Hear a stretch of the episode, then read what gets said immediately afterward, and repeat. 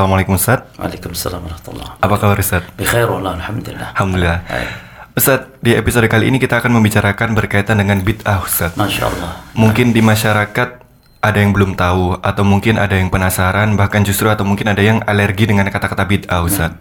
Nah, sebelum kita bicara tentang lebih jauh dengan bid'ah, kita bahas terlebih dahulu syarat-syarat diterimanya amal kira-kira apa sih? Baik. Bismillah, alhamdulillah, wassalatu wassalamu ala rasulillah, thumma amma ba'd. Ibadah tidak diterima oleh Allah sehingga terpenuhi dua syarat. Syarat yang pertama adalah al-ikhlas, yakni beribadah dilakukan harus mengharap wajah Allah Subhanahu wa taala, ikhlas mengharap semata-mata pahala dari Allah Subhanahu wa taala. Yang kedua al-mutaba'ah. Al-mutaba'ah yang ittiba mengikuti sunnah Nabi sallallahu alaihi wasallam. Ibadah tidak diterima walaupun ikhlas apabila caranya tidak mengikuti sunnah Nabi sallallahu alaihi wasallam. Demikian sebaliknya ibadahnya masya Allah mirip dengan sunnah Nabi sesuai dengan contoh Nabi sallallahu alaihi wasallam. Namun tidak ada keikhlasan juga tidak diterima. Oleh karena itu ibadah tidak diterima sehingga terpenuhi dua syarat tersebut. Dan ini Allah sebutkan dalam banyak ayat dalam Al-Quran, demikian pula dalam sunnah Nabi sallallahu alaihi wasallam. Kalau di dalam ayat Allah perintahkan ikhlas banyak sekali. Di antaranya Allah Taala mengatakan wa ma umiru illa liya'budullaha mukhlishina lahuddin. Tidaklah mereka diperintah kecuali untuk mengikhlaskan di dalam beramal.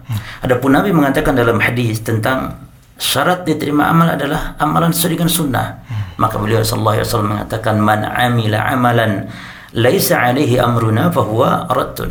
Siapa yang berbuat suatu amalan yang tidak ada contoh dari kami, maka amalan tersebut tertolak. Nah, inilah di antara dalil. Nah, Baik, bicara di, syarat terimanya amal yang kedua Ustaz, yaitu mengikuti sunnah Nabi Shallallahu Alaihi Wasallam. Eh, sebenarnya apa urgensi kita untuk mengikuti sunnah Nabi Ustaz? Barakallahu fiik. Eh, sunnah yang bermakna yakni al-hadi alladhi kana alaihi nabi sallallahu alaihi wasallam wa ashabuhu. Sunnah yang bermakna yakni petunjuk Nabi sallallahu alaihi wasallam dan para sahabatnya. Maka tentu ini sangat penting sekali dalam kita beragama. Yang pertama tadi, amalan kita akan ditolak oleh Allah Subhanahu wa taala. Bahkan ada ancaman ketika seorang muslim beragama tidak mengikuti secara umum beragama, khususnya ibadah, secara umum beragama tidak itiba kepada sunnah, maka orang tersebut terancam dengan ancaman azab, azab di dunia dan azab fil akhirah. Di antaranya Allah berfirman, "Wa man yushakkikir rasul min ba'di ma tabayyana lahul huda yattabi' ghayra sabilil mu'minin nuwallihi ma tawalla wa nuslihi jahannam wa sa'at masira." Siapa yang menentang rasul? Ya, man yushakkikir rasul. Min ba'di ma tabayyana lahul huda. Setelah datang kepadanya petunjuk lalu dia malah mencari jalan. Petunjuk yang bukan petunjuknya orang-orang beriman. Nah, yang dimaksud orang beriman ini saat itu para sahabat Rasulullah SAW. Apa hukuman di dunia? Nuwallihi ma tawalla. Akan kami biarkan dia dalam kebingungan kata Allah. Sesat di dunia. Lalu di akhirat wa nuslihi jahannama wa sa'at masira. Dimasukkan ke dalam neraka jahanam. Dan jahanam adalah seburuk-buruk tempat kembali.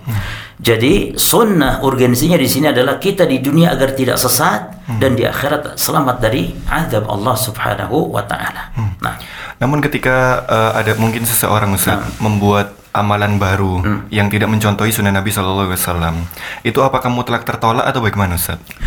diperinci ya. Kalau memang amalan yang tidak ada tuntunan itu dari asal sampai akhirnya, dari awal sampai akhirnya, maka tertolak. Seperti seorang melakukan amalan-amalan yang sama sekali Nabi tidak ajarkan. Itu jelas tertolak berdasarkan nas dari hadis Nabi tadi sallallahu alaihi wasallam. Man amila amalan laisa alaihi amruna fawarat. Siapa yang beramal suatu amal yang tidak ada contoh dari kami maka tertolak.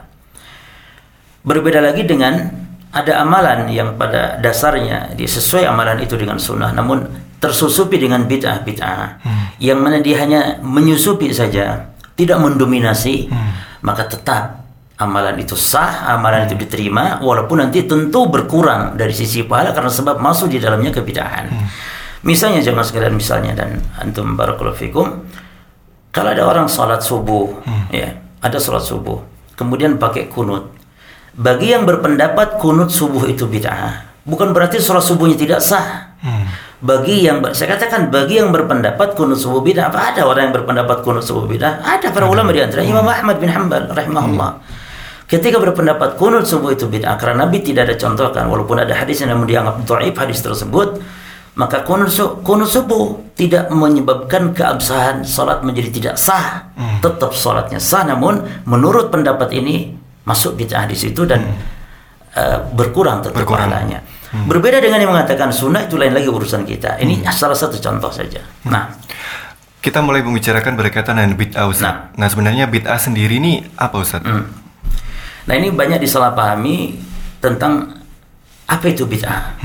Karena sebagian menganggap bid'ah itu kepada hal yang sifatnya dia bukan dianggap bid'ah oleh agama seperti hal yang sifatnya baru dalam urusan teknologi. Maka bid'ah kalau secara bahasa benar. Bid'ah kalau secara bahasa benar sesuatu yang baru, yaitu kata para ulama asyai al-mukhtara ala ghairi misalin sabiq. Bid'ah secara bahasa artinya sesuatu yang baru yang tidak ada contoh sebelumnya. Secara bahasa demikian. Seperti kalau secara bahasa, ya benar mikrofon bid'ah. Bid'ah. Ya, Pesawat, pesawat bid'ah semua kendaraan, pesawat yang sifatnya teknologi bid'ah karena sesuatu yang enggak ada di zaman dulu baru diciptakan itu bid'ah. Bahkan Allah sendiri kalau secara bahasa Allah itu berbuat bid'ah, yaitu Allah menciptakan langit bumi yang dulu langit bumi ada tidak? Tidak ada. ada. Makanya Allah menyebutkan badi'us samawati wal ard. Badi' Allah disifati berbuat bid'ah, ini menciptakan langit bumi yang dulunya tidak ada. Ini secara bahasa tidak masalah, bid'ah. Nah, yang dimaksud bid'ah tercela dan haram hukumnya dosa bahkan bisa jadi dengan sebab itu orang masuk neraka itu bid'ah hanya dalam urusan agama, dalam urusan ibadah. Yang definisinya gampangannya adalah ma uhditsa fid din min ghairi dalil. Perkara yang diadakan dalam agama yang enggak ada dalilnya maka itulah bid'ah yang tercela yang kata Nabi wa kullu bid'atin dhalalah. Setiap bid'ah sesat wa kullu dhalalatin finnar. Setiap kesesatan tempatnya di neraka. Jadi tolong dibedakan mana bid'ah secara bahasa dan mana bid'ah secara istilah, secara syariat. Yang tercela adalah bid'ah dalam agama Secara saja, syariat. secara syariat, yaitu bid'ah dalam urusan agama. Adapun bid'ah dalam urusan dunia, Nabi sendiri telah mengatakan antum a'lamu bi umuri dunyakum. Kalian lebih tahu daripada aku tentang urusan dunia kalian. Maknanya kalau urusan dunia, silakan kalian berbuat bid'ah. Silakan kalian berinovasi, berbuat bid'ah. Kan begitu mafhum dari hadis Nabi tadi atau mantuknya hadis seperti itu. Yang Nabi larang bid'ah itu dalam ibadah, urusan ibadah, tata caranya, bilangan jumlah ibadah, eh, waktu ibadah, tempat ibadah. Ini yang harus diperhatikan. Tidak boleh beribadah menetapkan waktunya, tempatnya, jumlah bilangannya, kecuali harus berdasarkan dalil. Dalil. Nah, demikian. Soalnya ada yang mencetuskan bahwasanya antum dari ujung rambut sampai kaki bid'ah Nah, semua. itu dia. Betul secara bah Bahasa, secara bahasa karena kita dulunya kan tidak ada. Iya, Ya, Ustaz. makanya ini kesalahpahaman. lah kalau yang ngomong ini orang awam, wajar. Hmm. Lah kalau seorang tokoh ulama dikiaikan diulamakan, nggak paham juga bid'ah. Seperti kalau katanya salawat ini bid'ah, Hmm. kalau sholat ini bid'ah, kalau baca Quran ini bid'ah. Maka kalian ke Mekah pun jangan naik pesawat, naik Naik ontak pesawat. saja katanya. Loh, justru bid'ah itu adanya pada sholat. Bid'ah adanya pada membaca Al-Quran. Jadi nanti ada sholat yang bid'ah, ada baca Quran yang bid'ah, ada zikir yang bid'ah, ada sholawat yang bid'ah. Tidak ada urusan dunia dibid'ahkan dalam makna disesatkan, dalam makna dicela tidak ada. Oleh karena itu, bid'ah hanya dalam agama, Agama, baik ya. dalam akidah seperti bid'ahnya yang dilakukan oleh orang-orang Syiah misalnya mengkafirkan Abu Bakar mengatakan istri Nabi di neraka itu kan keyakinan yang dulu nggak ada. Nggak tapi keyakinan baru. Siapa yang berkeyakinan itu? Tidak ada dulunya. Tapi baru itu. Karena dulu para sahabat para salaf meyakini Abu Bakar itu orang yang paling utama setelah para nabi dan rasul. Lah ini orang Syiah berkeyakinan lain. Abu Bakar Kafir. kafir, di neraka waliyadzubillah. Atau dalam ibadah. Maka bidah ada bidah fil itiqad itiqad dan ada bidah dalam fil ibadah. Iba- bidah dalam keyakinan dan bidah dalam ibadah. Bidah yang paling berbahaya bidah dalam keyakinan. Keyakinan. Karena bisa berkonsekuensi kufur keluar dari Islam. Seperti tadi, meyakini Abu Bakar kafir ini bidah. Meyakini orang-orang Qadariyah mengatakan takdir tidak ada itu juga bidah dan itu berkonsekuensi kufur.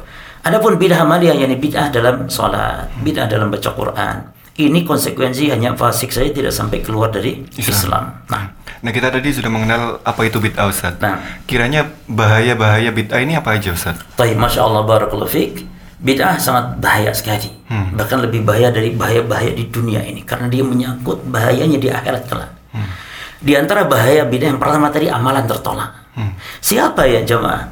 Siapa di antara kita yang beribadah tidak mengharapkan diterimanya amal. Bahkan kita sampai capek letih ibadah ingin diterima oleh Allah. Nah sementara bid'ah ditolak amalannya. Tadi dasarnya disebutkan man amila amalan laisa alaihi amruna fahuwa rad. Dalam hadis yang lain kata Nabi man ahdatha fi amrina hadza ma laisa minhu fahuwa rad. Siapa yang mengada-ada dalam agama yang enggak ada dasarnya dari kami maka tertolak. Maka amalan ahli bid'ah wal walaupun tujuannya taqarrub tapi justru semakin menjauhkan diri kepada Allah. Maka hati-hati dalam masalah ini. Kita beribadah jangan semata-mata mengharapkan yakni banyaknya pahala tanpa memperhatikan ada dasarnya atau tidak. Yang kedua, bid'ah konsekuensinya adalah dia semakin jauh dengan Allah. Orang-orang khawarij yang disebutkan dalam hadis oleh Nabi Shallallahu Alaihi Wasallam bahwa khawarij ini memang di zaman Rasul bibinya sudah muncul. Sebagaimana kata Nabi, orang-orang khawarij ini kalau urusan ibadah luar biasa. Sampai-sampai Nabi mengatakan kepada para sahabatnya tentang orang-orang khawarij ini. Kata Nabi kepada para sahabatnya, "Tahkiruna salatakum ma'a salatihim." Hmm. Kalian akan menganggap remeh salat kalian dibandingkan salat mereka. Wasiyamakum ma'a siyamihim. Puasa kalian dianggap remeh oleh kalian kalau kalian lihat bagaimana mereka puasa. Hmm. Jadi ahli bidah, orang khawarij ini ahli ibadah. Ahli ibadah. Namun hmm. apa yang terjadi? Kata Nabi, yamrukuna minad din kama yamruku sahmu minar ramiyah. Mereka melesat keluar dari agama seperti melesatnya anak panah dari busurnya. Hmm. Yani melesat pada balik lagi. Ini bahayanya kebid'ahan. Yang bisa menyebabkan seorang jauh dari agama, seseorang melesat keluar dari agama, seorang jauh dari Allah Subhanahu wa taala. Yang ketiga, sulit taubat. Ini bahaya. Karena kalau orang berbuat judi, khomer ya, berzina naudzubillah, sadar kalau itu maksiat sehingga suatu saat dia akan kembali taubat. Hmm. Dan inilah makna yang dikatakan oleh Imam Sufyan Tsauri rahimahullah taala bahwa al bid'ah habu ila iblis min al ma'siyah lian al ma'siyah yutabu minha wal bid'atu la yutabu minha. Hmm. Bid'ah ini lebih dicintai iblis daripada maksiat. Maksudnya daripada judi, berzina dan semisal. Lebih dicintai iblis. Kenapa? Karena maksiat ditobati sama orang. Tapi bid'ah tidak ditobati. Dan inilah yang dimaksudkan dalam hadis Nabi bahwasanya Allah hazaba an kulis taubata an kulis sahibi bid'ah hatta yada'a bid'atahu. Hmm. Sesungguhnya Allah hazaba menghalangi at-taubah taubatnya an kulis sahibi bid'ah dari setiap pelaku bid'ah. Allah halangi taubatnya sampai dia tinggalkan kebid'ahannya. Maksudnya bukan Allah tidak terima taubatnya ahli bid'ah. Hmm. Maksudnya sulit ahli bid'ah itu bertobat. Karena, Karena merasa di atas ibadah apa? di atas ibadah di atas hmm. kebenaran. Beda dengan maksiat-maksiat tadi. Hmm. dan di antaranya bahaya bidah sangat banyak. Hmm. ada buku yang bagus dalam, dalam masalah ini di antaranya karya Syekh uh, Said bin Wahab al-Qahtani menjelaskan tentang sunnah tentang bidah dan bahaya-bahayanya. Hmm. judul kitabnya Nur Sunnah wa Dhulumatil Bid'ah. Cahaya sunnah dan kegelapan bid'ah. Mungkin sudah diterjemahkan. Itu bahaya-bahaya bidah sangat luar biasa. Demikian pula di antara bahaya bid'ah uh, di antara bahaya bid'ah adalah bahwa pelaku bid'ah itu akan apa namanya akan sulit dia untuk mendapatkan petunjuk. Hmm. Karena apa? Karena orang yang berbuat bid'ah terbiasa dengan berbuat bid'ah dia akan bebas membuat tata cara tata cara dalam beragama hmm, hmm. sehingga sulit mendapatkan hidayah. Di antara penghalang hidayah adalah orang ketika berbuat kebid'ahan. Hmm. Nah, tadi disebutkan bahwasanya bid'ah yang tercela adalah yang kedua Ustaz, yang nah. dalam agama Ustaz. Hmm. Nah, kiranya apa aja kriteria-kriteria sampai sebuah amalan atau sebuah perilaku itu disebut bid'ah yang tercela ini Ustaz? Baik. Barakallahu fiik. Uh, kriteria sesuatu disebut bid'ah tentu ketika kita mengenal sunnah. Hmm Sebagaimana tadi mengetahui bahwa ibadah harus berdasarkan petunjuk Nabi. Bahwa dalam kaidah disebutkan ada ibadah tauqifiyah. Ibadah itu tawakuf, yakni berhenti hatta ja'a minan nusus sampai datang dari dari dalil. Nah, kalau sudah tahu begini berarti setiap amalan-amalan ibadah yang tidak ada contohnya dari Nabi Shallallahu Alaihi Wasallam maka ibadah tersebut bid'ah. Hmm. Dan tolong diperhatikan, barakallahu fikum, sesuatu dalam kita beritibar kepada Nabi yang kalau tidak berkonsekuensi bid'ah itu dalam enam hal dalam beribadah. Pertama dalam penentuan sebabnya. Karena banyak orang beribadah dengan dalil dalil asal ibadah itu betul. Tapi penetapan sebab ini yang butuh lagi dalil. Yang kedua ukuran ibadah. Seseorang mungkin sholat betul, ada dalilnya sholat tapi ukuran sholat itu sendiri berapa rakaat berapa banyak zikir dibaca berapa banyak ukuran ini perlu kepada dalil. Demikian pula nanti waktunya tempatnya tata caranya. Dan ini semua banyak seorang terjerumus kepada bid'ah dengan sebab cukup berdalil dengan asalnya. Seperti misalnya Imam Nawawi mengatakan tentang sholat ragaib atau sholat nisfu sya'ban disebut dengan sholat alfiyah. Jadi sholat alfiyah itu adalah sholat di malam nisfu sya'ban 100 rakaat. Di setiap rakaat baca surat kulhu, yakni surat al-ikhlas 10 kali. Jadi berapa kali 10 kali berapa? Kali 100 rakaat berapa semuanya? 1000. Maka disebut sholat alfiyah. Lalu sholat ragaib. Sholat ragaib itu sholat di malam Jumat pertama di bulan Rajab 12 rakaat antara maghrib dengan isya. Taib. Ini sholat bukan? Sholat disebut sholat nggak disebut nggak disebut joget sholat itu tapi kata Imam Nawawi sholat ini disebutnya bid'ah kata beliau wahatani sholatani bid'atani munkarani qabihatani dua sholat ini itu sholat alfi dan ragib adalah dua sholat yang bid'ah dua sholat yang munkar dua sholat yang jelek Artinya haram seorang muslim melakukan sholat itu. Padahal sholat, iya karena sholatnya didasari bukan di atas dalil yang sahih. Ada dalilnya namun palsu. Sehingga kata Imam Nawawi, "Fala taktar bi dzikrihi ma fi kitab Qutul Qulub wa Ihya Ulumuddin." Jangan tertipu disebutkannya dua salat tersebut dalam kitab Qutul Qulub dan kitab Ihya Ulumuddin. Wala bil hadisil madkur, jangan pula tertipu ada hadisnya. Ada hadisnya. Fa inna kulla dzalika batilun karena hadis-hadisnya batil. Betul. Nah, berarti kriteria suatu bid'ah bukan dilihat dari ibadahnya saja, lihat dasarnya tadi. Nah, Dan menyelisihi nama aspek tadi Ustaz ya. Ah, enam spek ya apa teh sebabnya, waktunya, tempatnya, tata caranya, Jumlah. jumlahnya, satu lagi apa? Sebabnya, Sebab, waktunya, waktu. tempatnya, kaifiatnya, jumlahnya, ah jenisnya. Ukuran. Oh, Lah, jenis, jenis. jenis, jenis. Hmm, hmm. Jenis. Seperti zakat fitri dengan apa? Jenisnya menurut syariat. Nabi Makanan selalu pokok. meng- makanan makanan diganti dengan uang, ah, berarti menyelisihi. Hmm. Kurban bahimatul an'am yaitu unta, sapi, kambing diganti dengan ayam. Nggak bisa. Ah, berarti ini Bid'ah. bid'ah. Jadi orang berkurban dengan ayam jatuh kepada bid'ah. Ibadah karena berkurban ibadah tapi dengan jenis yang tidak ditetapkan syariat jatuh kepada bid'ah. Bid'ah. Nah, Nah, ketika kita menasihatkan kepada masyarakat Ustaz, bahwasanya sebuah amalan itu bid'ah atau tidak ada tuntunannya, mereka berdalih bahwasanya amalan ini sudah eh, dilakukan turun temurun Nah, biasanya atau begitu. asalnya dari ya wes pokoknya wes dari dulu kayak gini. Nah. Ini apakah bisa dijadikan dalil Ustaz amalan yang sudah temurun turun temurun ini? Ada dua hal yang perlu saya sampaikan dalam kaidah bahwa al-ada muhakkamah. Adat itu bisa menjadi hukum. Nah, ini maksudnya kalau agama menetapkan suatu syariat, lalu batasannya tidak ditetapkan, tata caranya tidak ditetapkan, maka dikembalikan kepada adat. Misalnya, berbakti kepada orang tua, agama tidak menyebutkan batasannya seperti apa, tapi dikembalikan kepada adat. Nah, adat ini jadi hukum. Makanya ketika di sebuah adat kalau cium tangan orang tua ini bentuk bakti berbuat baik maka agama pun menyatakan itu bentuk bakti. Adapun kalau penetapan syariat sendiri tidak bisa dijadikan adat sebagai penetapan syariat. Apalagi kebanyakan orang turun temurun sudah melakukan dan itu adalah kebiasaan orang jahiliyah. Ini berdalih dengan apa? Dengan kebiasaan. Justru Allah mengelarang itu.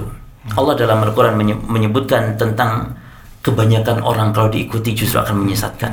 Allah Ta'ala mengatakan wa in tuti' aktsara man fil ardi yudhilluka an sabilillah. Kalau kalian ikuti banyaknya orang atau jumlah mayoritas, maka kalian akan tersesat dari jalan Allah. Jadi banyaknya orang yang melakukan bukan tolak ukur kebenaran. Kebenaran bukan dengan banyak yang melakukan. Nah, demikian pula kita.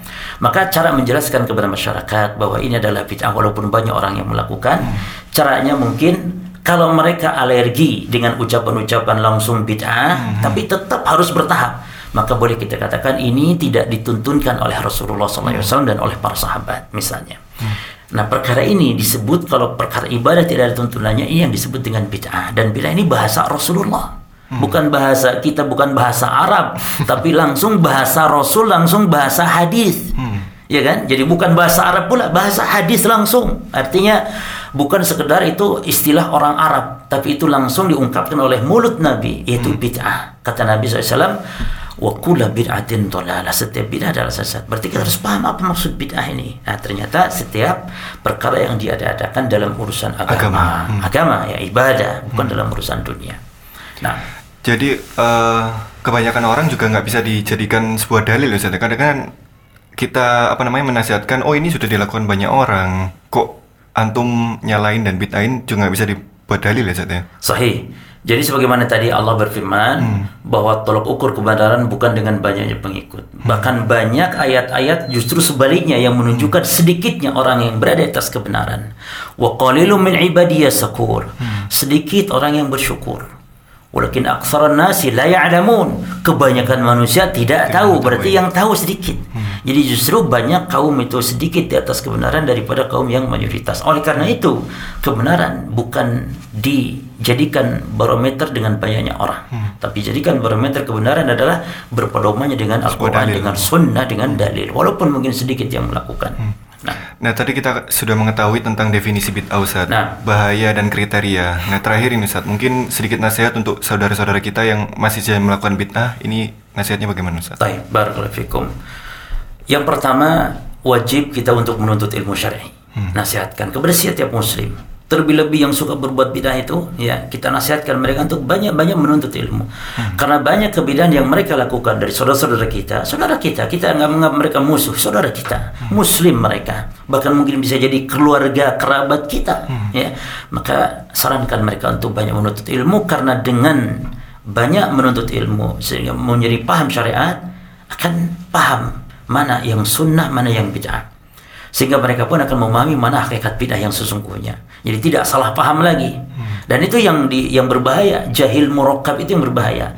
Yakni dia tidak tahu kalau dirinya bodoh sehingga me- memahami sesuatu yang bukan hakikatnya. Jadi yang sunnah dianggap bid'ah yang bid'ah dianggap sunnah. Jadi ini bahaya sekali. Coba antum bayangkan kalau orang memahami madu itu racun racun itu madu. Ada racun malah dia pakai untuk jadi dicampur dengan es degan. Es degan. ya kan? Disangkanya madu. Bahaya itu. Maka kalau maupun bodoh ya bodoh basit namanya. Bodoh tapi ya jangan bodoh. Tapi kalaupun mau bodoh misalnya jangan bodoh yang al kuadrat tadi. Bodoh kuadrat bodoh murakkab itu tadi dengan cara menuntut ilmu kemudian yang kedua nasihatkan kepada mereka berprinsiplah dalam beribadah itu bukan yang penting banyak tapi yang penting benar. Benar. Dan ini nasihat Nabi SAW. Apa kata Nabi SAW? Sadidu wa qaribu. Sadidu berlaku luruslah benar ya. Yang penting benar wa qaribu dan sedang-sedang saya dalam beribadah. Ini tidak perlu banyak ibadah itu tapi benar. Ya tentu nanti kalau sudah benar perbanyak ibadah. Tapi sekarang fokuskan dalam beribadah kita perbaiki ibadah. Maka Allah pun mengatakan tentang ujian kita di dunia bukan untuk banyak-banyakan tapi baik-baikan ibadah. Liyabluwakum ayyukum ahsanu amala. Bukan aksaru amala tapi ahsanu amala. Ujian hidup ini Allah alladzi khalaqal mauta wal hayata. Allah yang telah menciptakan kematian kehidupan. Untuk apa? Liyabluwakum untuk menguji kalian siapa di antara kalian ayyukum ahsanu amala yang paling baik? Bukan paling banyak paling baik.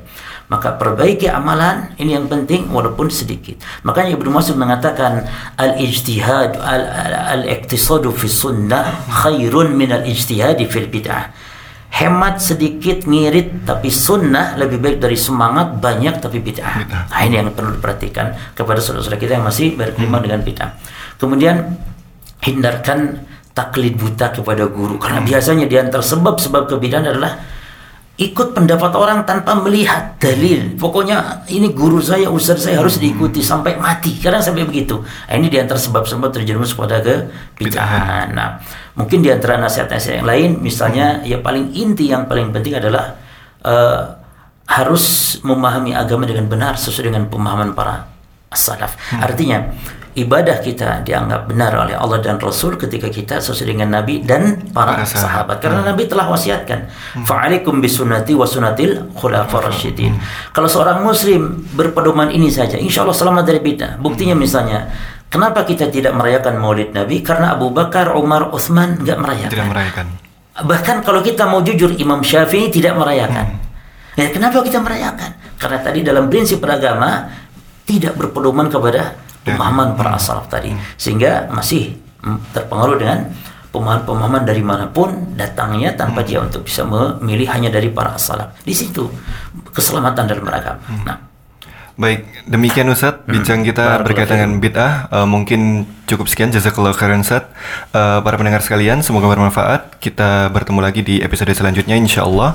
Kita tutup podcast ini dengan doa kafaratul majelis. Subhanakallahumma wa bihamdika asyhadu an la ilaha illa anta astaghfiruka wa atubu ilaik. Wassalamualaikum warahmatullahi wabarakatuh.